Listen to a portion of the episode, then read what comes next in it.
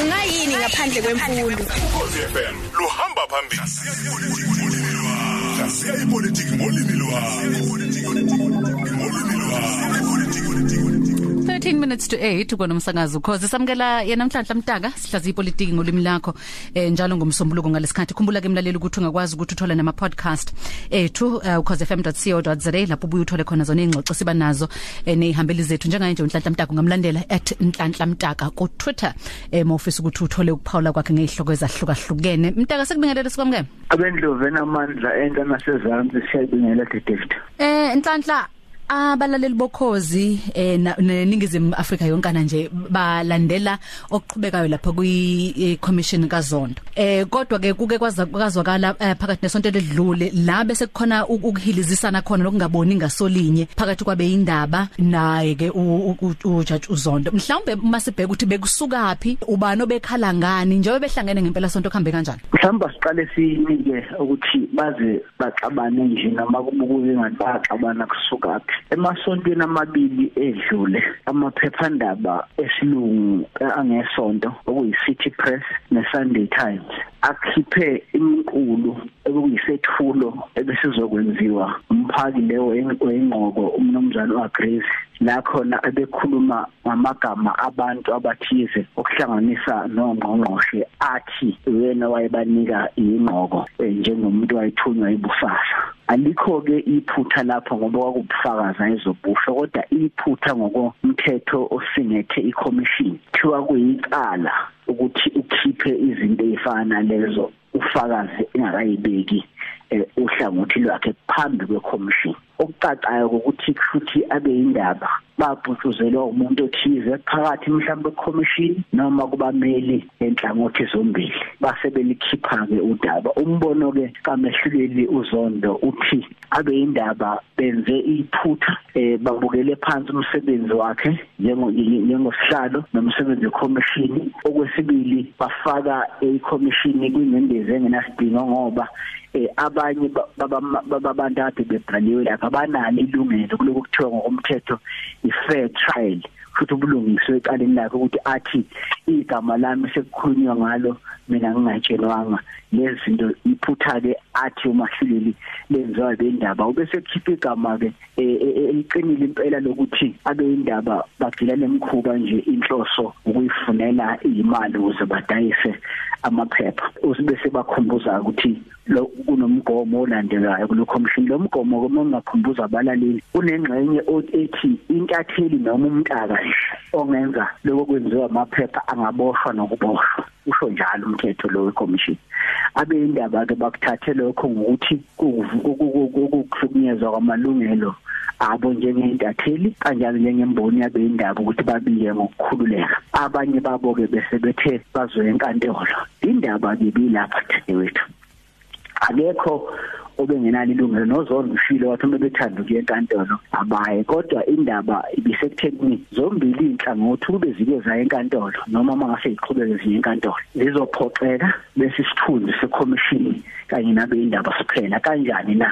Umehluleli uzondo akayena nje umehluleli kepha umehluleli nesekela eh likamahluleli omkhulu chief justice ku constitutional court. Uyamcabanga ke eyoma phambi kwejaji elincane kunaye egoli. Eyothetha ikala kwenzeke mhlawumbe limhlule. So bese sikuphi isithunzi sakhe? Sikuphi isithunzi secommission esehlulwe inkantolo encane kunale eyibili ihlazo lokuqala lelo ebezofaka icommission enkingeni lesibili ukube bekiwe enkantolo bekuyofuneka ithi ukuma icommission ngoba phela bakwazi ukuqhubeka kube kunezikhalo laba beindaba ngakolunye uhlangothi abeyindaba uma kiwe enkantolo bebezophoxeka uma ngase inkantolo ithatha isinqumo ngokuthi ngempela abeyindaba benza iphutha leso sinqumo besiyosetshenziswa ngisho yinkampani ngisho omntaka ngisho obani uma befuna ukulwa nabendaba ngamafuphi kufuneka ukubalekela ukuthi into eniyibanga nomuntu ize ibe isinqumo senkantolo ngoba isinqumo senkantolo isike isingujuku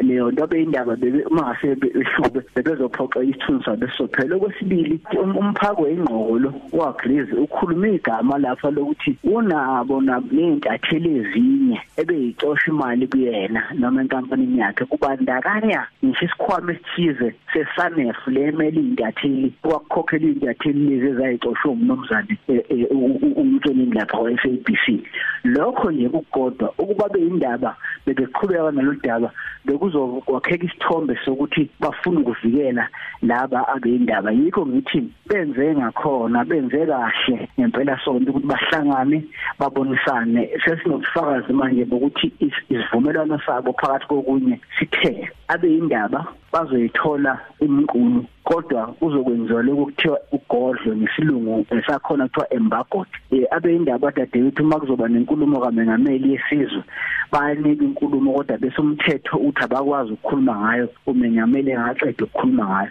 Nabo beyindaba ke bazoyithola ubufakazi ukuze bakwazi ukubhala kodwa bakwazi ukukhuluma ngabo emsakazweni noma babhale ngabo engakakwenzi ubufakazi lokho kodwa futhi kuzofuneka imvume bayithole eh kusihlalo. Lokho ke into ebeze siyenziwa kodwa futhi nje kulokhu inhlangothi zombili zinyukene eh kwase kuba nesimo lesi esicishe esadunga umoya sadunga ngisho ikhomishini ngoba uma le khomishini ingasiphele dadewethu ngoba umehluleli ethi akasakwazi ukuqhubeka iphele ngoba mhlawumbe inkantolo enesinqumo esithize ngayo. Sengingasho ukuthi wonke lemlegi lamkhuba eyide ivela ngisakwazi ukuba nayo. Iyo ngithi ke benze kahle bahlangana batshengisa ukukhula nhlangothi zonke. Okwamanje singasho ukuthi bayazwana asazi ikusasa ngobuye kwenzekeni mhlawumbe nje ngafushane eh nhlanhla sesivala.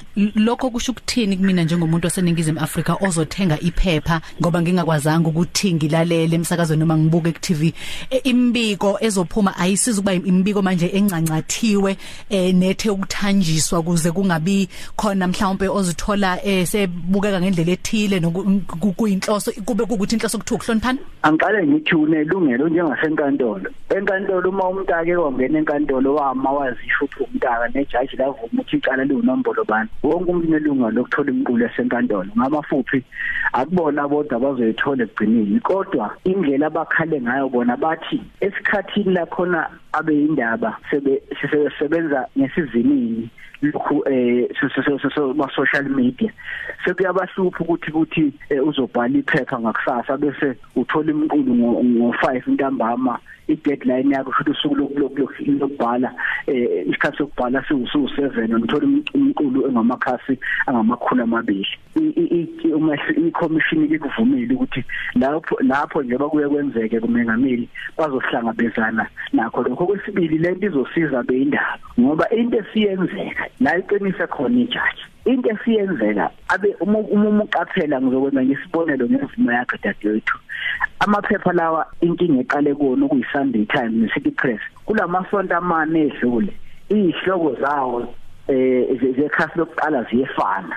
Okuchaza ukuthi bangena esilingweni sokuthi wonke umuntu antshontshelwe noma aphutshuzelwe ubufakazi ukuze ahlule elinye iphepha. Futhi uma kuphuma ku-city press kuqala thina siyothenga isithi press iqala makuphuma ku Sunday Times iqala sothenga Sunday Times ngamafuphi lento ngandlela thize izobasiza nabo ukuthi ngabe sebebhuduzela. Kokunye baze babhale izinto engekho isibonelo nje lokusaqhubeka lomkhuba izolo. Lamase sengikhuluma ngawo elinye ijaha ukubhala kuqala lathi isigila mkhuba lesi wa crazy oyingqoko ube ube kunikwe u80 million ngezonika u80 million. Lele linye kuthiwa city press lona nalo lijahile selithi u50 million. Angithi uyabona ke sekukhona oqamba mangaphakathi kwabo ngoba ubejahe ukuthi kube uyena oshicelela kuqala. Ngakho lento kizobalekelela beyindaba ukuthi nonke nithola ulwazi olufanayo nolwazi olunesigqivizo secommission ungazi ukuthi wena uthole uphutshuzela asikho idingo sokuphutshuzela entweni ezokhulunywa vese kusasa. Phuthuzelwane ngoba vese umphakathi uzoyi uzoyizwa kusasa.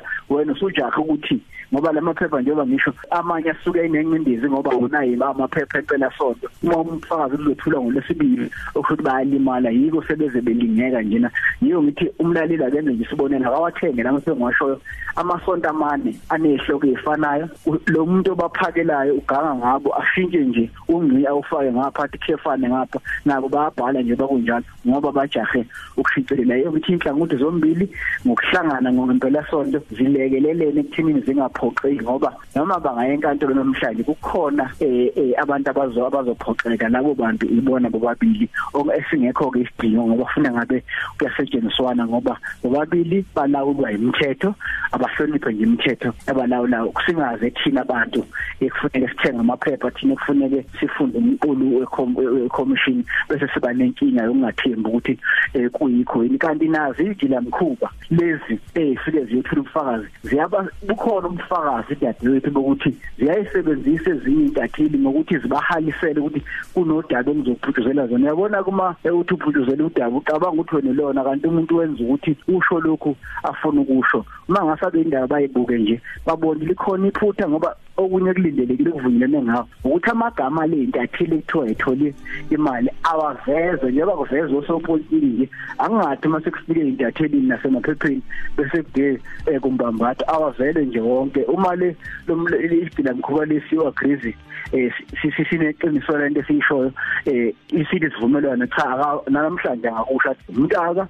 eh unomeko athi usigameza angalokho ithi intatheli ngoba umethi intatheli uzoze wena usole ngentatheli engenze lutho. Ngizama ukuthi lezo zinto ke ziyayisiza nabo beyindaba ukuthi eh abekho msulwa nalengqole liyopha. Iqiniso lithi kulobu bugebengu akekho ongathintekanga ngakho ke abeyindaba kufuneka bese benjalo bezenza ongcole ngcele kulesigameko kodwa ke asilekelelwe njengoba kushiwo nje awashiwa amagama ukuthi ngoba noma ngabe abelungu noma ngabohlanga noma ngabe kancane noma badala awashiwa amagama. Udlulo ngoba akubona kuphela osopolitiki okufuna kuthiwa bakhohlakele zikhona negila mkhuba lapha emaphepheni lapha emsakazweni lapha kuma television Sibonga kakhulu ke uNhlanhla Mtaka. Sikhathi sibheke no 8 o'clock. Vuka nathi.